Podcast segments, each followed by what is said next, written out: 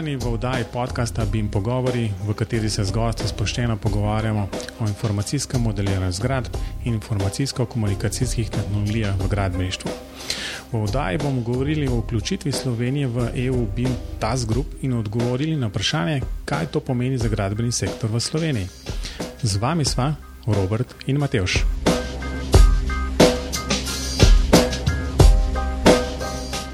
Pozdravljen, Robi. Lep pozdrav. Um, no, tokrat v oddaji gostiva Ksenija Marc iz DRI in predstavnica Slovenije z EU BIM Task Group. Um, dolg naslov. Pozdravljena, Ksenija. Pozdravljena oba. Um, lahko v parih stavkih um, predstaviš, kaj počneš, um, kako si povezana z BIM-om.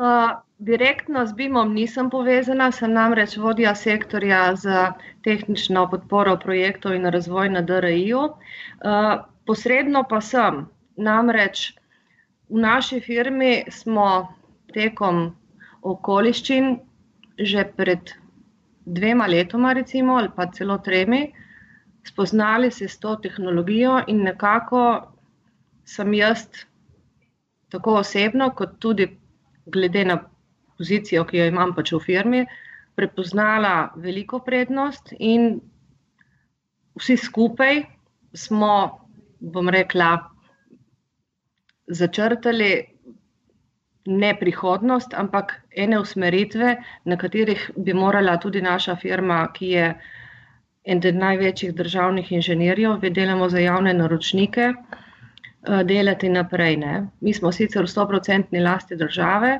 ampak to nas še bolj zavezuje, da smo na tisti liniji, ki naj bi javnim naročnikom čim bolj pomagala k ekonomičnim, učinkovitim projektom, vsaj bolj kot so danes. No.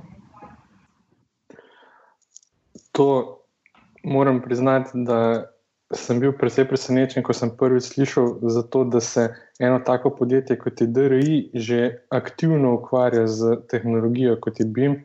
Um, pa bi mogoče vprašal na tem mestu, kako oziroma na kak način ste se sploh srečali v podjetju s tem, vam je to kdo predstavil, ste mogoče imeli kak projekt, da ste s tem začeli, na kak način ste se lotili izobraževanja kadrov in to.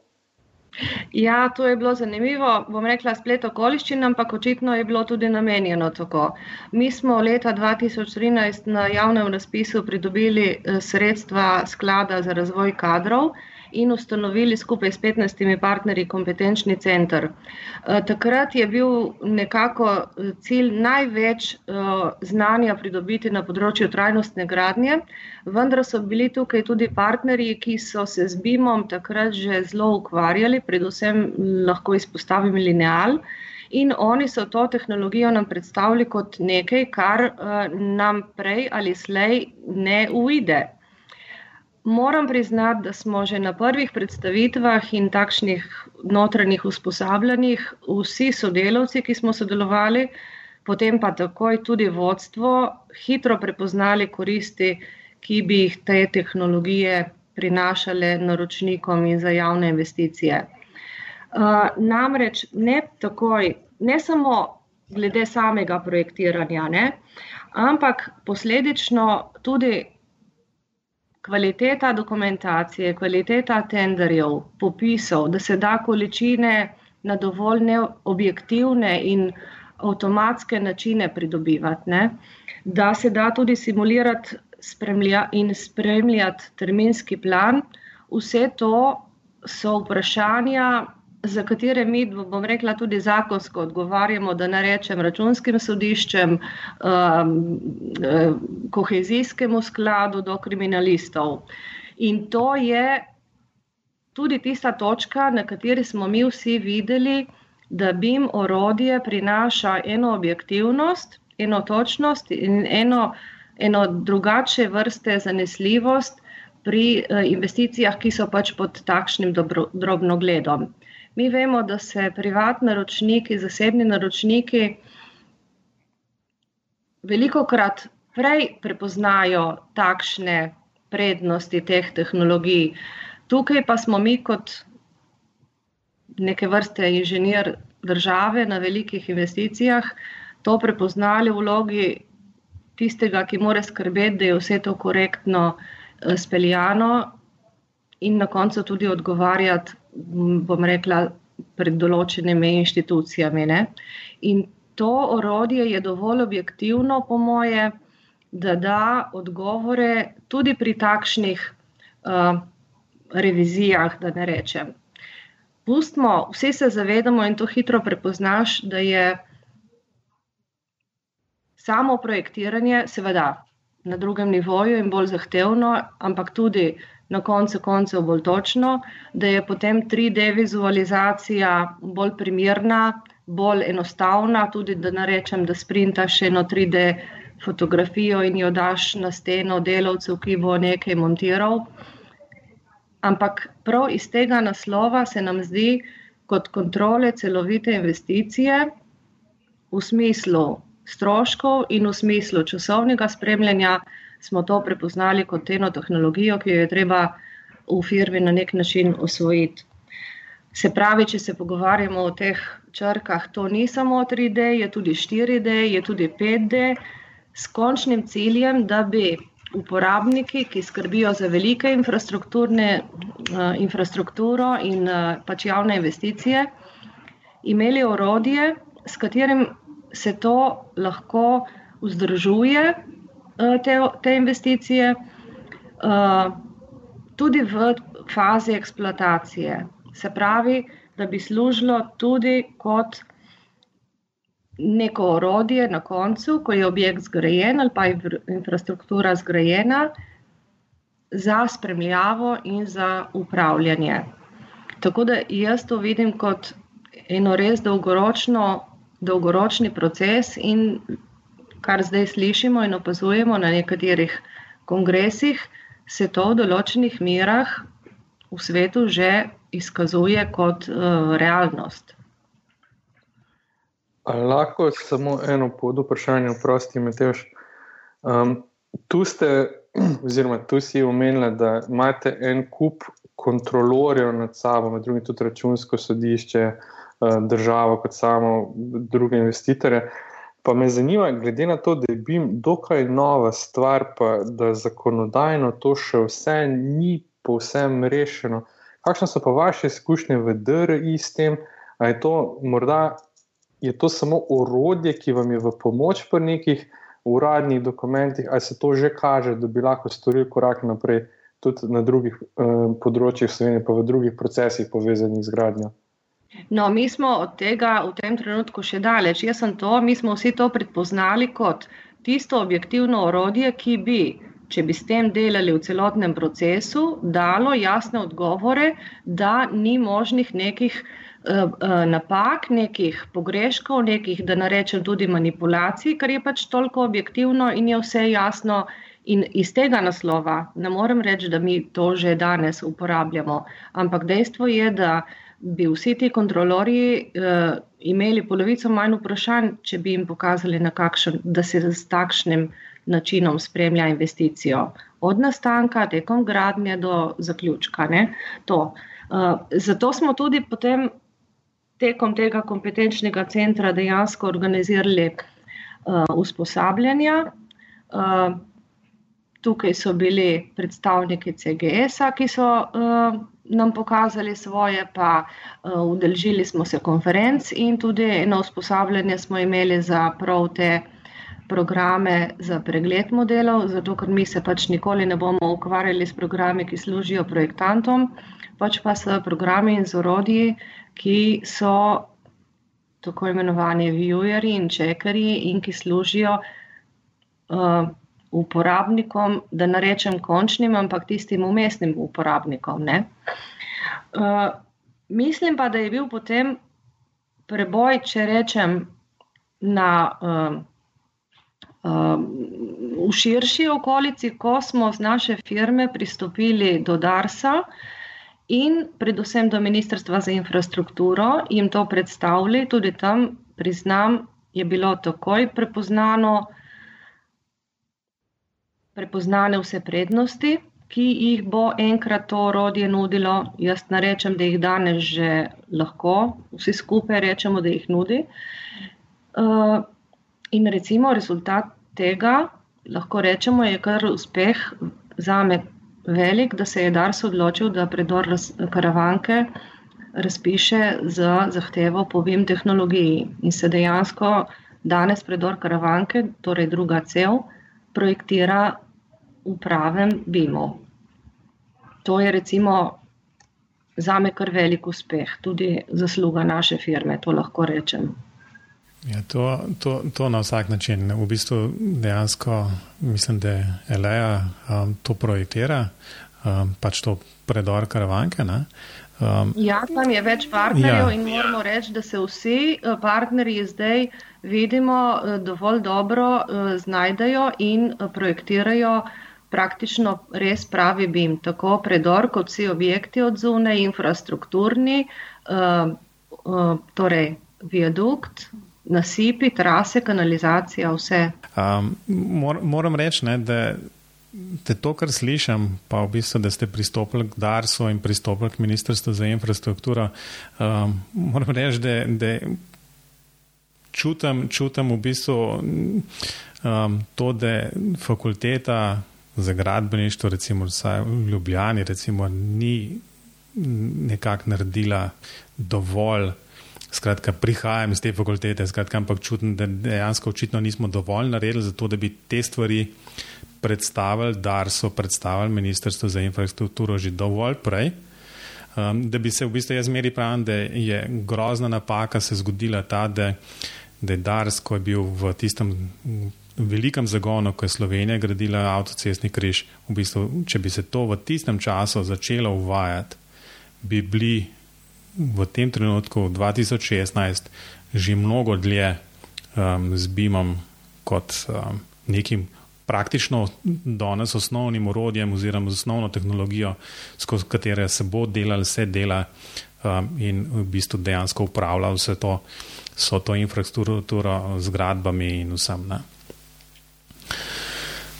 To, to v bistvu ni bilo toliko vprašanje, kot je bilo v bistvu nekako ugotovitev. No, ne vem, če se, če se ravno um, strinjate, strinjate oba dva s tem, ampak um, nekako bom rekel, da sem kar slabe vole zaradi tega. No, jaz se pa bojim, da je bilo takrat prezgodaj, ker uh, ne vem, koliko je bilo v svetu. Vedno je treba pokazati, da je v svetu že to veliko narejenega. Ne? Mi ne moramo biti prvi in mislim, da pred. Uh, desetimi leti pa temu ni bilo tako, da bi lahko že kar rekli, da se v svetu to uporablja kot en, bom rekla, ne že prav standardni, ampak običajen proces. Tako da po moje takrat ne bi s tem uh, še uspeli. Ja, mi dva imamo malo težav s tem, ker vemo, kako dolgo že v raziskovalni sferi govorimo v, v tej smeri. Tako da morda se jaz tudi moram strinjati s tem, da takrat bilo mogoče prezgodi, se pa ne strinjam s tem, da ne, da ne bi bilo treba biti med prvimi, vsaj v Evropi, če že ne na svetu. No. Uh, ker vemo, koliko se je takrat govorilo o raznih aneksih in tako naprej. In kot smo zdaj govorili, vidimo, da se s temi urodi veliko lažje uh, spremljajo projekti in veliko lažje je preprečiti take dogodke vnaprej. Vsaj mislim, da je tako. No. Ja, jaz tudi računam na to in uh, zato smo tudi k temu, tako bom rekla, pristopili. Uh, res pa je, da se v tem krogu z Ljubljansko fakulteto nismo prav veliko srečali, več zanimivo za Mariborsko. Tudi v uh, teh naših kontaktih v tekom kompetenčnega centra so z Mariborske fakultete bolj uh, pristopili. Uh, jaz bi si želela, moja fakulteta v osnovi je Ljubljanska, da bi veliko več sodelovali, z, uh, predvsem pa, ker vidim, da mlajše generacije, ki jih imamo zdaj tudi tukaj pri nas zaposlene, s tako lahkoto vse to uh, osvojijo, prav res lahkoto. Ne? Jaz se moram že malo bolj potruditi za ta znanja. In mislim, da je treba zdaj to verjamem, da počnete na fakultetah, te nove generacije, kar uh, kot samo po sebi umevno ne, uh, priučiti temu, da bodo delali s temi urodji. Ja, zdaj ta, ta urodja, v bistvu enkrat smo imeli um, gosta, ki je pač um, doštudiral na fakulteti za gradbeništvo in je v bistvu zanimivo izrazil. V bistvu njegovo mnenje je pač, da, da učenje teh konkretnih produktov na fakultete ne sodi, ampak da v bistvu mora fakulteta poskrbeti za neko celovito razumevanje tega procesa, um, načinov um, in jasno tudi delne uporabe, ne pa v bistvu, da se konkretno vežemo na, na enega, enega izmed proizvajalcev oziroma razvijalcev teh orodij. In potem pač delamo in predstavljamo BIM skozi, skozi pač orodja na mesto, skozi v bistvu neko tako bolj poglobljeno razumevanje celotnega ja. procesa gradne. S tem se strinjam tudi jaz. Nisem imela v misli, Aha, da se nekdo uči dela z orodji, ampak kot filozofijo, kako je treba pristopiti in kakšen je pač ta pogled zdaj na projektiranje. V, v tem smislu sem imela, da, bi, da, ne, yeah. Ja. da morajo biti v bistvu študenti s tem nekako seznanjeni. Nikakor se ne pričakuje, da se bo fakulteta ukvarjala z uh, učenjem vem, posamičnih programov in to, po moje, to res ni za fakulteto. No, mene zelo veseli, da se mi strinjamo v tem, ker sem tudi to enkrat na eni konferenci vprašal no, in sem predstavil, se pravi, vso paleto programov, BIM programov in sem rekel, ok, industrija, povete, kaj bi vi želeli, ne učimo študente. Ne? Ker recimo tu že imamo dva taka programa, en je Revit, en je Archicad. In ne moramo se usmeriti v vse, potem je še Allplan, pa še en kup drugi, da ne bom kaj pozabil. Um, mi je pa všeč to, da se tudi vsi zavedamo, da je treba ta nov pristop k projektiranju privzgojiti novim generacijam. Um, pa še nekaj bi komentiral, da je to Matejši kritika na nas, da, da um, je DRI pogrešal podporo tudi se strani Ljubljanske univerze. In jaz saj zase obljubim, da bom pač delal vse v tej smeri, da v prihodnosti do tega ne bi več prihajalo. Ja, to, to, to je pač, recimo, da naj, naj doprinos k temu, sigurno so že tale BIM podcast oziroma BIM pogovori, um, saj delno, delno sva potem mogoče bolj direktno vključena v to. Ampak Mogoče, mogoče smo se dotaknili že enih par stvari, pa recimo, da, da jaz sem zmeri mnenja, da, da upeljati eno tako tehnologijo v, v gradbeni sektor, ki je tradicionalno zelo počasen za, za prevzemanje novih stvari. Um, in skratka, mnenje sem, da, da je to v Sloveniji možno doseči samo na ta način, da um, se dejansko javna naročila v celoti, za javna naročila v celoti zahteva um, tak pristop. Um, tako da, kako deleč smo pa s čim takšnim um, zakonodajno, mogoče, mogoče Ksenija veš, kaj v tem? Jaz bi zdaj pa preskočila na to, da je bil en prelomni dogodek, bom rekla v tem smislu, po mojem mnenju, BIM forum na Bledu. Takrat so organizatorji uspeli pripeljati v Slovenijo Adama Matjusa, gospoda, ki je predsednik EOBIM Task Grupe. Eh, ta skupina je neposredno podrejena Evropski komisiji in skrbi prav za to, da bi poenotili merila, stališča in pristope v celi Evropski uniji, da bi se javni naročniki v vseh državah na približno enakomiren, enak način uh, posluževali, bodi si, ni rečeno obvezno, ne, ampak da bi sami začutili, da je to način in da bi imeli tudi neke smernice. Zato, ker jaz vidim, da je zelo težko vsi, ki smo jih tudi združeni, asi bi jim kontaktirali na ministrstvih, na posamičnih razgovorih, uh, so prednosti hitro prepoznali, nekega inštrumenta, kako to uveljaviti pri nas v zakonih v javnem naročanju, da bi bilo vse, bom rekla, regulirano brez težav. Pa ni bilo, ne? tudi jaz ga nisem znala pokazati, nihče od nas ga ni znal pokazati. kot rečem, se tudi Evropa tega zaveda in je prav zato očitno ustanovila to skupino, v kateri do letos Slovenije ni bilo. To nas je predvsem v združenju Sibim zelo mučilo. Člani te skupine so predstavniki državnih inštitucij iz vseh držav. Zdaj, uh, iz Slovenije smo potem na forumu na Bledu, so kolegi predlagali, da ne bi bila to jaz, nekako to ustreza. In sicer prihajam iz, iz firme, ki je v 100-odstotni lasti države. Podoben primer je tudi v Španiji, tudi oni imajo predstavnika iz firme, ki je nekega podobnega značaja kot naša. Uh, in tam so bili tudi na forumu na Bledu predstavniki ministrstev in končna pobuda, da bi Slovenija imela svojega predstavnika, je prišla potem z Ministrstva za infrastrukturo. Z njimi smo se že uh, pač o tem, uh, kot sem rekla, jih prej informirali in oni so bili potem tisti pobudnik, ker to mora priti iz državnih vrhov, ne nobene civilne združenja ali pa inicijative ali pa univerze ne morejo dati pobude, da bi bila Slovenija članica ali pa bilo katera država. Ta, zato uh, tudi danes lahko pač z veseljem ugotovimo, da nismo več ena od uh, tistih redkih članic, ki, uh, evropskih, ki, ki ni imela predstavnika v tej skupini.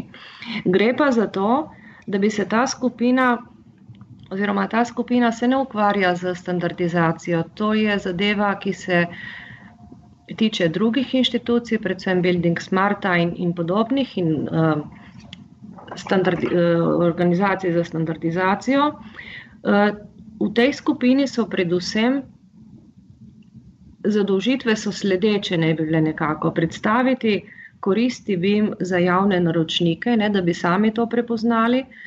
Uh, predvsem se poglobiti tudi v javno naročanje, tako da bo tako v skladu z evropskimi direktivami, in da hkrati ne bi bilo potrebno s temi dodatnimi zahtevami v javnem naročanju spreminjati nacionalne zakonodaje.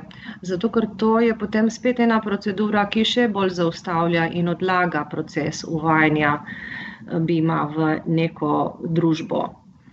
Eh, seveda gre tudi za določene tehnične podatke in procese, ki jih ne se jih uskladi, da bi bili približno enakovredno obravnavani v, v, v vseh državah.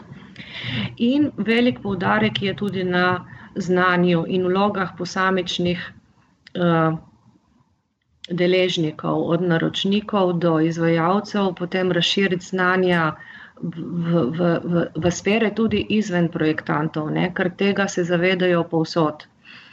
In uh, glavni cilj te skupine je izdelava enega priročnika za javne naročnike. To recimo bi bil glavni cilj. In jaz mislim, da skozi ta priročnik, ki ne bi bil mogoče v dveh letih, oziroma zagotovo v dveh letih pripravljen, zdaj se po, posamični, po posamičnih delih dela že na tem priročniku. Mislim, da bo potem ena taka osnova, da nihče ne bo mogel reči, da ja, se nimamo osnov, se ne moremo, se ne vemo kako. In da bo tudi napisan tako, da bo onemogočal ne vem kakšne postopke pritožb na državne revizijske komisiji. To je namreč tisto, kar veliko krat zavira projekte uh, javnih naročnikov. In računam, da bi potem skozi to, skozi ta priročnik, bil tudi sistem javnega naročanja za vse, ki bi si uh, v državi to uh, prepoznali kot dobro, uh, bistveno bolj enostaven. Ne? In tam bi bile usmeritve tako kako naj bi um, zahteve naročnikov predpisali, kako naj bi lastniška razmerja glede modelov definirali in podobne zadeve. No, in lahko še povem, da smo imeli prejšnji torek eno web konferenco člani te OBIM task skupine, kjer so pa predstavili kolegi, ki to vodijo, rezultate ene ankete. Eh, to so pošiljali vprašalnik na, z 33 vprašanji 21 državam, takrat Slovenije še ni bilo med članicami. Uh, odgovore so dobili od 16 držav. In zanimivo je, da povsod, v vseh 16 državah, so v zadnjih dveh letih opazili izrazit razvoj in pojavljanje BIM-a, ne glede ali je z javnimi naročili ali ne, pač na, na tržišču. Uh, zanimivo je, da v, recimo samo v treh državah imajo pa popolnoma implementiran nacionalni program in tudi že v veljavi, kjer se za javna naročila zahteva BIM. V, tukaj imam podatke, da v šestih državah ga uvajajo, v dveh je že nek napredek poznan, v štirih recimo ga pa še niso začeli. Tako da žal Slovenija moram reči, da se ni še začela na tem nivoju ukvarjati, ne? so to bolj parcialni primeri. Uh, In potem vedno, v, v, recimo v sedmih državah, imajo že standardne pogodbe, ki imajo BIM za javne naročnike kot obvezo. Nekateri imajo natančno opisane zahteve naročnika, opredeljene lastninske pravice glede modela in podobno. Ne? Sploh pa v vseh podobnih vprašanjih nekako odstopa teh šest do osem držav, V poročilu pa niso bile upredeljene z uh, imeni. Mi slutimo, katere so, ne, to so skandinavske države, pa zagotovo Anglija in še nekatere druge. Ne, ne vem, Nemčija in Avstrija, vemo, da s velikimi koraki v zadnjem obdobju gresta v to smer. Uh, njihova priporočila so pa predvsem javno predstaviti prednosti BIM tehnologije. Tu se pač, jaz bom rekla, vsakodnevno na nek način jemljem za dožnost, Mislim, da združenje Sibim tukaj tudi veliko prispeva, eh, vi dva kolega s tem podkastom zagotovo tudi izjemno. Potem priporočajo, da se uporabi javna naročila kot vzvod za uveljavitev programa upeljave BIM tehnologije ne, v javni sektor. In jaz se mogoče mislim, da nekega dne bo prišel bo prišla m, zahteva, da recimo se kohezijski projekti financirajo iz teh sredstev le takrat, ko bodo projektirani in uveljavljeni eh, v BIM tehnologiji. Jaz mislim, da v določenih, eh, oziroma da v kratkem, ali pa ne tako kratkem, v enem doglednem obdobju bo do tega, po moje, prišlo. Vendar pa tudi opozarjajo, da morajo biti na razpolago v državi sredstva za uveljavitev takšnega nacionalnega programa in tudi vzpostavljen nek izvršni tim, ki bo to speljal. Ne?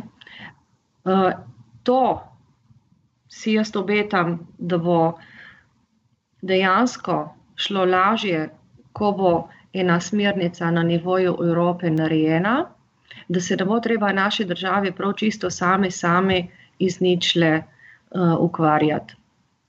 Mm, ja, tu bom, če lahko, če lahko malo prekinem. V bistvu, v bistvu sva, mislim, da smo zadnjič na podkastu slišali, da je v Skandinaviji ali na švedskem dejansko gradbeno dovoljenje zaprosiš kar tako, da, da bolj ali manj odložiš BIM model in potem pač upravna enota to odobri oziroma ne odobri skratka znajo dovolj, da pogledajo stvari.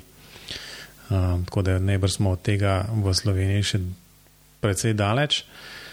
Ampak je pa, je pa na vsak način zelo, zelo lepo slišati, da, um, da se stvari resno premikajo in da mislim, da smo glede Bima dejansko tako neko kritično maso se dosega um, in, ali pa je že dosežena, ko, ko recimo neke poti um, nazaj v bistvu ni več in je več kot jasno, jasno jasna smer, da, da je v bistvu naprej za gradbeništvo in za pač gradbeno industrijo v celoti v bistvu edin um, z uporabo Bima. A, jaz bi imel tu še eno vprašanje. Jaz vidim to, v bistvu to um, skupino, predvsem kot eno skupino, v okviru katere se bodo izmenjav, izmenjavale izkušnje posameznih držav po Evropi.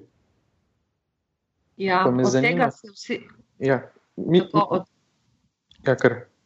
Od tega pravim, si obetamo veliko, posebej zdaj, ko čitam določene uh, po, pač povzetke teh njihovih zaklju, uh, sestankov in tega, kar je bilo še za nazaj. Jaz mislim, da bo prav na ta način tiste prednosti, ki so jih na nekaterih državah že osvojili, pa tudi tam, kjer so se, bom rekla, spotaknili, ne, da bo zdaj to nekako pre, prenešeno in izmenjeno tudi k nam, drugim državam. In od tega se v bistvu največ obetamo. Tu je tudi ne, na nek ne vrste cilj, no, po moje, te skupine. Prav njihov moto, če ga skušam prevesti, je, združiti nacionalna prizadevanja v skupen in usklajen evropski pristop za razvoj vrhunskega digitalnega, sektorja, digitalnega gradbenega sektorja. Tako sem jaz to razumela. In tukaj se vidi, da zdaj so še razlike, velike, in ne bi se to potem enkrat združilo. Da razlike so, tako vemo, ker že vsi v bistvu govorijo o tem, da so skandinavske države mnogo pred ostalimi. Zdaj se tudi uh, Velika Britanija približuje tem državam s to novo nacionalno zakonodajo. Čeprav so z Matežem že tudi na podkastu opozarjali preko njihovih poročil, da čeprav imajo zakonjeno, še tudi sami niso pripravljeni čist na ta prehod. Uh, ampak mene bolj to zanima, ali se v okviru te skupine že kažejo države, ki so si podobne, ali smo mi v Sloveniji med zadnjimi, ki to uvajamo, ali so mogoče še kakšne države, ki se tega še sploh niso lotile, ker mi dejansko smo za inicijativo DRI, pa recimo zdaj s tem tunelom, ki se projektira, v bistvu kar delamo velike korake naprej. Ampak, a kje v Evropi, um, v bistvu so še čisto na začetku, to je bilo eno vprašanje. Druga pa to, mislim, da v tej skupini več držav, kot jih je odgovoril. Mislim, da, da si omenil, da je 93 anket bilo, mislim, 23 anket bilo poslani, odgovor ja. je bilo pa samo 16. Mogoče, mogoče teh sedem sploh niso še nič naredili v tej smeri. Ali, mislim, ne, ne znam si predstavljati, zakaj ne bi odgovorili na tako vprašanje, če aktivno sodelujejo v skupini. No, prejšnji torek na tej web konferenci je bilo prav to moje vprašanje predsedujočemu, če bi lahko zvedeli, katerim so poslali, pa katere so odgovorile. Se one ne bodo po posamičnih, ker mene je torej zanimalo, da niti niso bili in iz tega sklepam, pravil, mislim, tako kot si ti omenil, da so nekateri mogoče še bolj zadej, če niso niti odgovorili, da so sicer formalno zraven, ampak če niso niti odgovorili na tistih 33 vprašanj ker zahtevano je bilo, da država pošle en odgovor kot en vprašalnik. Ne? Uh, mogoče bom izvedela, katere nisem še, zdaj je to v bistvu začetna srečanja so bila in te začetni kontakti, tako da nisem še, ne moramo predeliti, katere so tiste države, ki recimo bi se lahko nekako z nami uh, primerjale. Očitno so pa eni tudi še zadej. V bistvu je eno vprašanje, ki je mogoče sicer jasno spet povezano s tem lebim tas grupom. Um, če pač predvidevam, da to potem pomeni 23 ali 24 članic, um, je trenutno vključenih. Ja. Um, tako samo za predstavo vsem ostalim, ne, ker enkrat sem bil na enem podobnem takšnem sestanku, kjer je bilo približno toliko različnih strank. Um, kako te stvari sploh tečejo? Se da sploh kaj izmed, oziroma drugače povedano, kdo je tisti, ker ponavadi sta zmeri dva ali pa tri, ki vlečajo vozi, vsi ostali, bolj ali manj smo, tudi v mojem primeru, gledali in se učili zraven, in ki ima z glavo, in, in tako naprej. Ne? Koliko vpliva na, na celotno dogajanje Slovenija sploh ima, oziroma um, kaj lahko mi kot Slovenija ponudi um, tej skupini? Ja, zaenkrat je tako, da glavni in predsedujoči torej, in uh, tudi njegov pomočnik sta Britanca.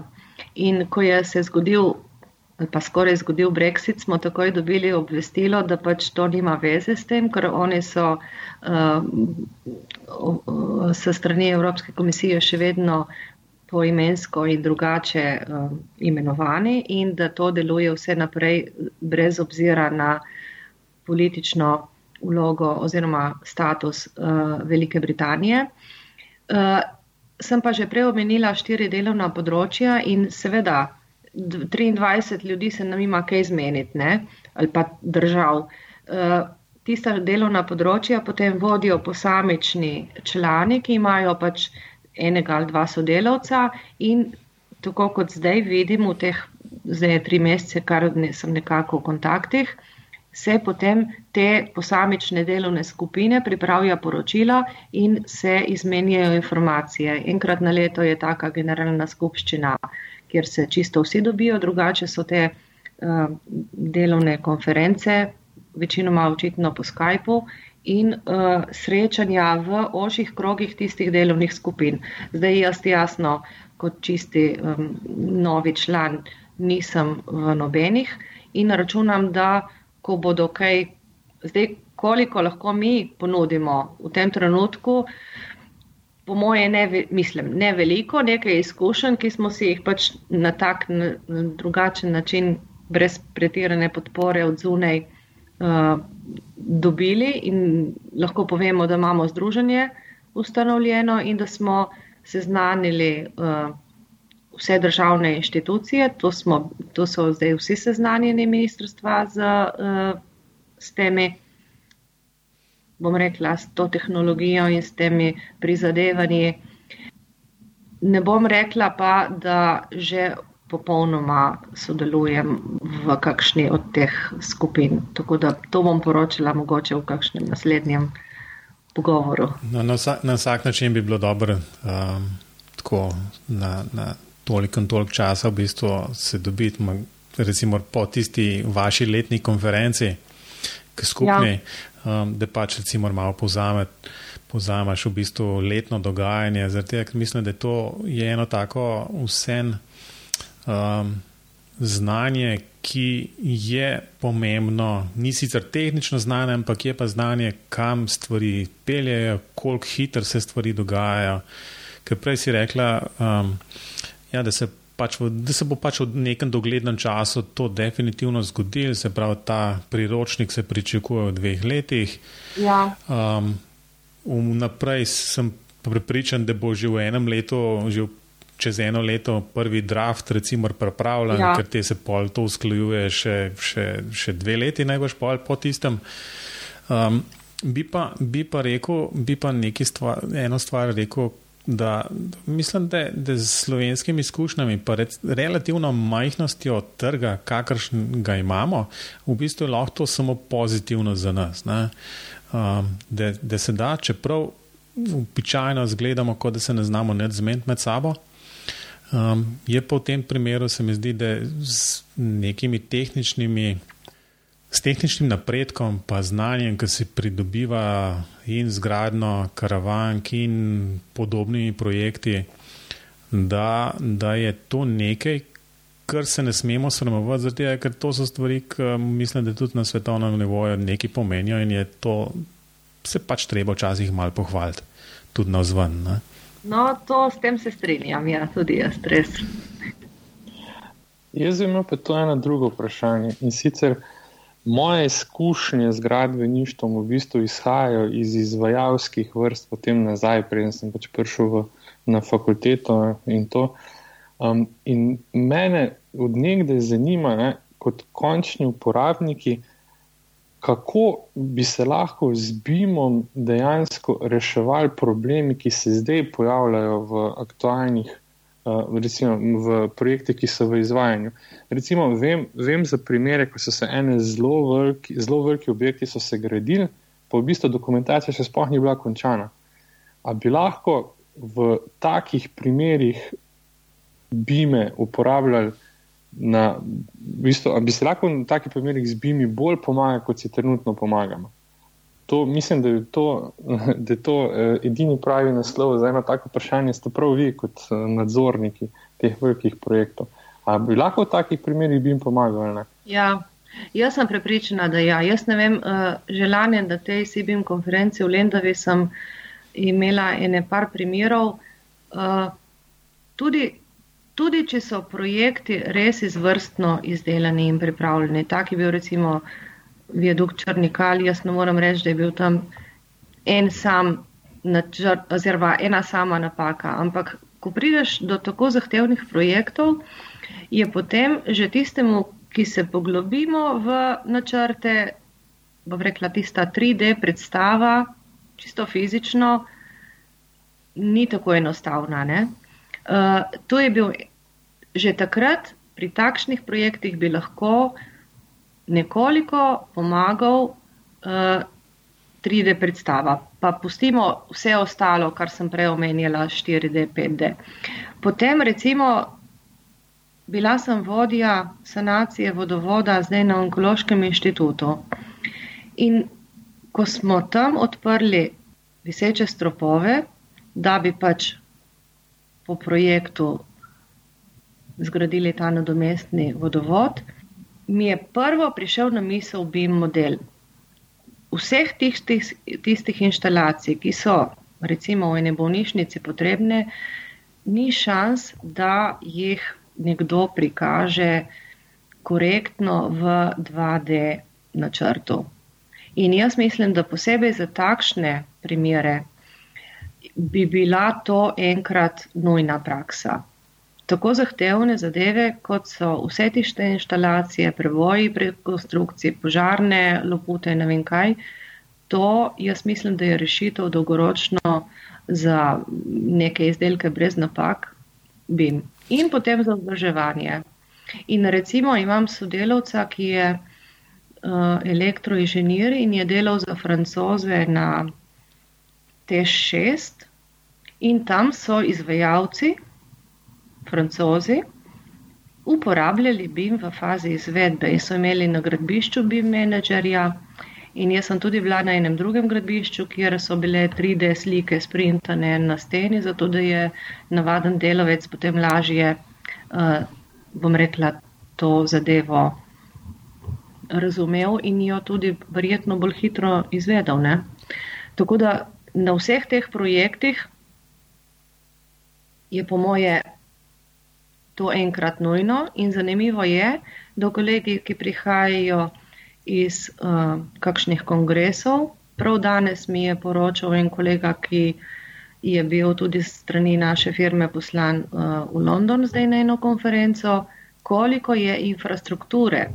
Ker v, v glavnem se govori, da so stavbe projektirane v BIM-u, in da je infrastrukture manj, ampak infrastruktura se danes očitno v svetu že v veličini eh, primerov projektira v BIM-u. Torej, on je bil navdušen, koliko je infrastrukture v BIM-u in uh, mislim, da moramo mi še bolj, ne samo toliko, kot smo do zdaj, se posvetiti temu izobraževanju, da bomo imeli uh, kader, ki bo sposoben pač to spremljati dobesedno na gradbišču in potem v fazi uh, zaključka in ne na koncu, uh, na koncu koncev tudi v fazi, bom rekla, odprave napak v garancijski dobi ne? in vse te zadeve, ki sledijo v dobi eksploatacije.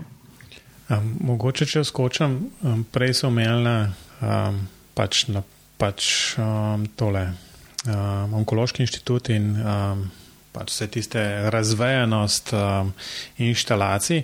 Um, pa bi sam za, za, za eno tako mnenje vprašal, ker zdaj te napake, ki se zgodijo, najbrž lahko pride iz večjih naslovov. Ali je bil že originalni načrt napačno narejen, ali je bil načrt sicer korektno narejen in pravilno sestavljen in narisan in označen in ne vem kaj že vse, pa je bil potem izveden napačno.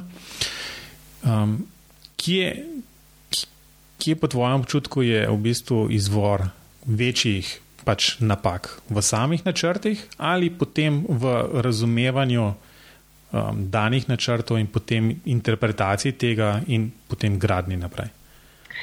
Uh, jaz bi o tem težko sodila, ampak če vzamemo, da je bil en objekt grajen deset let, ne kontinuirno, ne, se pravi v nekih fazah, pa se je v eni spremembi. Tudi če bi bil vsak načrt stoprocentno narejen, je to potem toliko enih dodelav in jaz mislim, da ena zadeva, ena investicija, ki se ne kontinuirno gradi od začetka do konca, zelo težko uspe brez napak oziroma brez nekih popravkov. To je moje mnenje, to je to, kar sem jaz v moji praksi eh, videla in doživela. To mora biti ena rdeča nit od začetka do konca in takrat se tudi, če pride do kakšne napake, lahko takoj odreagira, da se jo ugotovi. Če, pa, če pa to ni kontinuirna investicija, je to po moje težko. Pa vmes, če so se še spremembe, pa da nekaj je upoštevano v spremembi, nekaj pa ni upoštevano v spremembi. Torej jaz o temu, zakaj je bilo in kje so bile napake, ne znam soditi. Uh, slutim pa, da je bil eden od vzrokov uh, tudi ta. Meni se zdi, da je prav ta onkološki inštitut tipičen in eklatanten primer tega, kjer bi BIM, predvsem potem v fazi vzdrževanja, bil še kako potreben. Um, zdaj, kar se infrastrukture pa BIM-a tiče, so še ene težave tudi s tehniko, ker recimo IFC standard vseh infrastrukturnih objektov sploh še ne pokriva. Ja. Um, če gremo že na to. Ampak vem, vem, da se projektira če dalje več v BIM-u, tudi karavanke, recimo, to en tak primer, kjer projektirajo, čeprav še niso vse težave tehnično rešene. Um, tako da mislim, da kar se tega tiče, smo v Sloveniji kar na dobri poti. No. Je pa res ta onkološki inštitut, če bi me kdo vprašal, kjer bi bil. Kateri bi bil najboljši primer uporabe, bi bil prav onkološki inštitut? Ja. Ne vem, to mi vedno pride najprej na pamet. Se strinjam, mi smo tudi Ministrstvu za zdravje priporočili, da bi v naslednjih investicijah eh, predpisal uh, BIM. Prav kot firma smo jim priporočili. Skratka, eno vprašanje sem, samo še v, v povezavi z infrastrukturo v lasti države, ali je bilo kadarkoli morda kakšna ideja o izdelavi BIM modelov že za obstoječe um, objekte, infrastrukturo um, v, v smislu jasno um, lažjega, bolj preglednega vzdrževanja bodočih investicij v nadgradnje in podobnih stvari. Ja, prav takšne ideje na glasnih, če po moje še ni upal eh, reči, je pa v resnici, glede na to, da je, če govorimo za ceste, obstaja banka cestnih podatkov, ki je pač dovolj natančna in zelo uh, podrobno opredeljena. Obstajajo GIS modeli, obstaja že veliko, ki bi lahko služilo, kar bi lahko služilo kot ena začetna točka, začetni podatki za enkrat v bodočnosti tudi vzpostavitev takšnega modela, da bi praktično bila celo, da narečem, državne premoženje ali pa ne vem, ceste ali pa železnice v enem takem orodju. In zadnjič sem iz, en, iz enih krogov, ne vem, blizu energetike ali na tak način, ne, oni imajo tudi te zadeve pokrite v teh vis orodjih in od tam do Bima je seveda daleč, ampak ni tako daleč, da se mogoče enkrat ne bi splačalo. Zato, ker mislim pa, da korist potem za uporabnika, kako ima vse na voljo v trenutku za vzdrževanje, za uh, redne servise, za vse je pa dejansko izjemno velika. Tako da mogoče enkrat tudi. Ksenija, še kakšen tak splošen zaključek glede tega pogovora o, o BIM-u v Sloveniji in o ta zgrupo v bistvu, ampak vse mislim, da smo kar, kar, kar dobro zaokrožili vso zadevo. Jaz mislim, da smo povedali, po moje, glavne stvari, ki uh, mogoče tokrat z vidika enega drugega uh, udeleženca v teh procesih, se pravi z vidika nekoga, ki skrbi za naročnikove investicije v smislu nadzora ali pa uh, project managementa na tak način. Uh, in tukaj moram kar priznati, da so v BIM-u projektanti pač za znanjem daleč naprej. Uh, in jim moramo ostali, tako mi, kot nadzor ali pa ta projektni management, hitro slediti in se naučiti naših uh, tistih znanj in veščin, ki so potrebna. In bojim se, da so tukaj pa še bolj od zadaj izvajalci, ker če gradbeni izvajalci ne bodo s to tehnologijo pravočasno seznanjeni in vešči jo uporabljati, tudi potem cel proces ne bo uh, uspešno zaključen do konca. Tako da tukaj je še veliko dela, predvsem na izobraževanju. Neč, um, dajmo, dajmo jeti na, na priporočila. Um, Robi, nekaj zanimivega imaš pripravljenega danes? Ja, danes kot priporočilo bom predlagal nekaj, kar ni povezan z BIM-om, nisem v tem mestnem času naletel na nič zanimivega, mi je bilo pa to zelo zanimivo in sicer to je en primer, uh, če se ozremo nazaj na trajnostno gradnjo. Um, mi je bilo zelo zanimivo, zakaj se tega ni nihče prej spomnil. In sicer um, izdelujejo hiše iz izrabljenih plastenk. Kar mi je bilo zelo tako, ko sem najprej prebral, sem mislil, da so spet eni hipiji.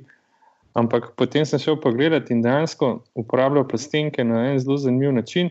Uh, uporabljajo kot izolator, potem to obdelajo z, z um, betonom, in meni je stvar zelo zanimiva.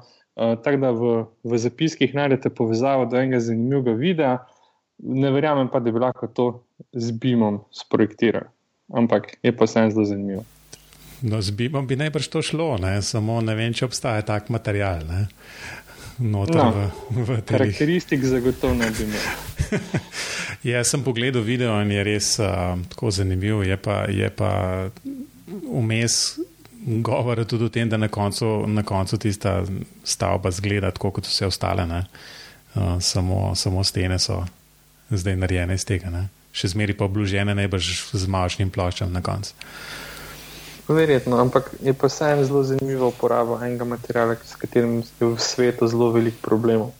Ksenija, imaš mogoče ti kaj tazga za priporočiti?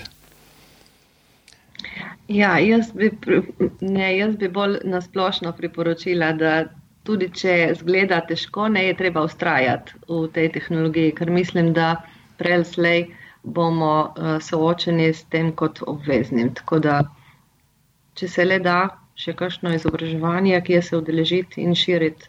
In predvsem združeno nastopati, um, ne iskati toliko mogoče razdrobljenosti, kot smo običajno vajeni v naši državi. Tukaj mislim, da če ne nas bodo pa tuji, uh, se veste, ponudniki. Ja, prehiteli po levi in po desni. Ja. Um, ja, se, se trudimo, jaz mislim tudi, da, um, da je NCBIM in um, ostali, ki recimo delajo v tej, v tej smeri BIM-a, mislim, da je pogovor teče in da, da, da je želja vseh, da se stvari premikajo, premikajo naprej. No, v podobni, podobni um, um, smeri gre tudi moje priporočilo kot zanimivo. Ne? To je pa sicer ena knjiga, sicer tle. Um, Jaz sem tle priporočal avdio knjige, zato je, ker um, samo avdio knjige načeloma berem oziroma poslušam. Um, to je pa en avtor, Erik Rice, um, ki je napisal knjigo The Lean Startup. Um, je pa zelo zanimiva, zato je, ker pač ta lean oziroma tak um, vitek pristop prikazuje v, v različnih um, scenarijih, od tega klasičnega start-upovskega, pa do v bistvu konc konca tudi državnega. Tako da je zelo zanimivo poslušanje oziroma branje. Obstaja jasno tudi um, knjiga, taka na, na, pap, na papirni verziji in um, toplo priporočam za, za branje. No, sicer pa sledijo hitre vprašanja. Um, No, Ksenija, povej, BIM programska oprema. Kaj bomo danes ugotovili? Torej, jaz te programske opreme, ki jo uporabljajo projektanti, poznam samo po imenu. Kar lahko rečem, da v določeni meri poznam in v določeni meri tudi uporabljam, so tako imenovani vieweri in checkeri. To so pač tisti programi, s katerimi opazujemo in pregledujemo že izdelan model. Ne bo to Solibri, Navisworks ali pa Building Explorer, s katerim smo se tudi mi bolj podrobno seznanili na uh, izobraževanju. In mislim, da bomo mi v okviru tovrstnih programov tudi ohranili naše nadaljne izobraževanje. Ne, ne bomo se ukvarjali zagotovo s programi za projektiranje. Se strinjam, um, napišem kar so libri, kaj je treba enega izbrati. Aha. Drugač ja, bom pa napisal na vsak način. Building Explorer, zato ker z njim največ delam. Building Explorer. Ja. No, še en program, ki ga jaz prej nisem poznal. Jaz tudi ne. No, naslednje vprašanje, s katerim imamo z Matežem, v bistvu se največ hecamo s tem vprašanjem. Uh, v BIM-u je ta zadnja črka M, je vedno predmet debat, kaj ta M pomeni. Eni pravijo, da je to model, eni pravijo, da je to modeling, za zadnjem času se pojavlja management. Pa je najno vprašanje gostov vedno, kaj, kako razume ta M. Ja, to sem zasledila v drugih BIM pogovorih tudi in jaz moram priznati, da sem tudi za proces, da modeling in to še tak proces, ki ne bi se končal šele tam za, v, skupaj z koncem uporabe objekta. Ne? Se pravi, od začetnih faz, kjer je treba pri projektiranju vedno več uložiti v čisto začetne faze, pa potem do izgradnje, do spremljave gradnje, do eksploatacije. Za me je v končni fazi to en proces. Um, no, če ste pozorno poslušali, sem danes vedno, ko sem obima govoril, sem rekel, da je to proces. Um, tako da prosim, um, sem se že naučil stvari. No, zadnje vprašanje je pa ta Open BIM oziroma standardi na področju BIM procesa. Um, se splača delati po standardih oziroma ali gremo raj na, na neke zaprte oblike komuniciranja Jaz bi rekla, da je to nuja delati po standardih, oziroma ta OpenBeam je skoraj obveza, posebej, če imamo v mislih javne naročnike. In uh, tako zasledim tudi iz zaključkov, ki jih sprejemajo v tem EUBIM task grupu. To je povsod nekako poudarjeno, da mora biti izmenjava podatkov um, pač odprtega sistema. Um, odlično se strinjam. To še posebej veselje. Um, bi pa v bistvu samo en tak splošen komentar rekel. Prej si, prej si Zenja rekla, da um, moramo, moramo komunicirati, moramo skrbeti za, za to, da se znanje, bim znanje razširi in da um, vsi deležniki poznajo um, recimo, koristi, koristi tega. Bi pa rekel eno stvar, da moramo biti pa pri tem, recimo, temu pošteni. Um, v smislu, da pač povemo stvari takšne, kakršne so, ne samo da rečemo, da ja, to pa bi se dalo narediti, pa nihče od tega še, nas, še ne pozna, ne, kako bi se to dalo narediti. Um, ampak dejansko, open beam na vsak način, ampak bi rekel, na koncu sledi še en, en dodatek temu, da sicer lahko pričakujemo kakšne tehnične omejitve pri tem, ampak še zmeraj se splača potruditi in delati na ta način, in ne se zadovoljiti samo z tem, da si v nekem ekosistemu enega um, proizvajalca programske opreme. Ja, se strinjam, tudi to je res, ampak na tem je treba delati. To se pa strinjamo tudi. Um, nič. Robi, morda še kakšno zadnje vprašanje, mnenje? Jaz nimam dodatnih vprašanj. Uh, hotel sem pa samo reči, da nismo več upozorili z Matežem, da je najna današnja gostja prva ženska gostja na tem podkastu. Uh, pa da sem jo želel prositi, želim jo prositi, da bi se čez neki čas, mogoče čez, kako leto, ko, mal, ko bo malo več znanga o rezultatih uh, sodelovanja v tem EU-BIM Task Group, da bi se mogoče spet dobili na podkastu, pa da poročamo, kaj se kaj novega dogaja na tem področju.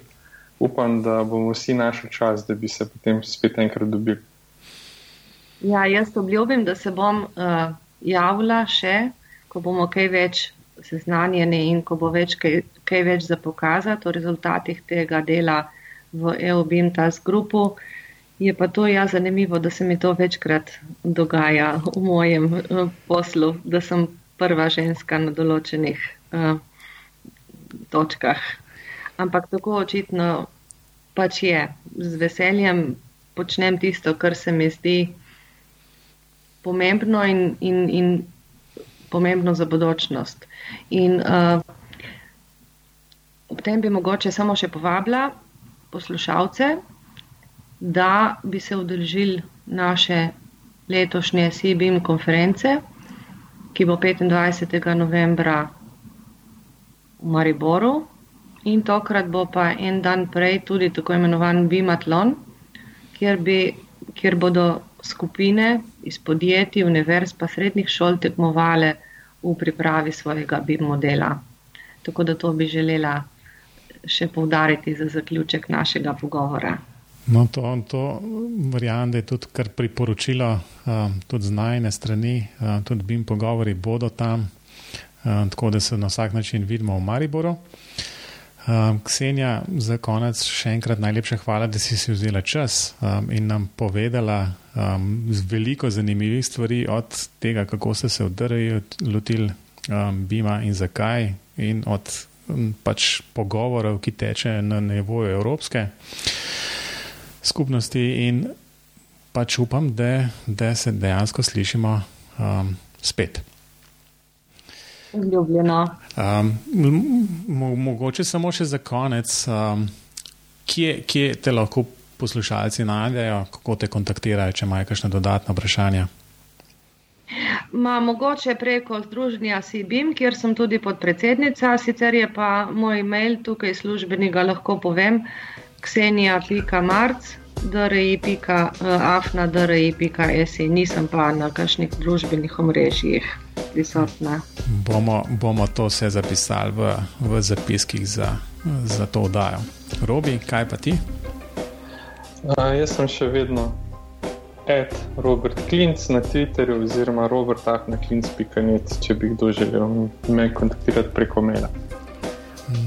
No, za konec bi jaz še z moje strani povedal, da pač mateždolenč.com je še vedno spletna stran, kjer najdete informacije in o BIM pogovorih, vsaj povezavo na BIM pogovore, sicer za pa BIM pogovori na spletu, Facebooku in Twitterju. Um, poslušalce na vsak način prosim, da um, pride kaj na Facebook ali pa na Twitterju, kaj vprašajo. Um, na vsak način pomaga, če se naročijo na podcast. Sicer pa um, najlepša hvala še enkrat, Ksenija, za, za tole javljanje.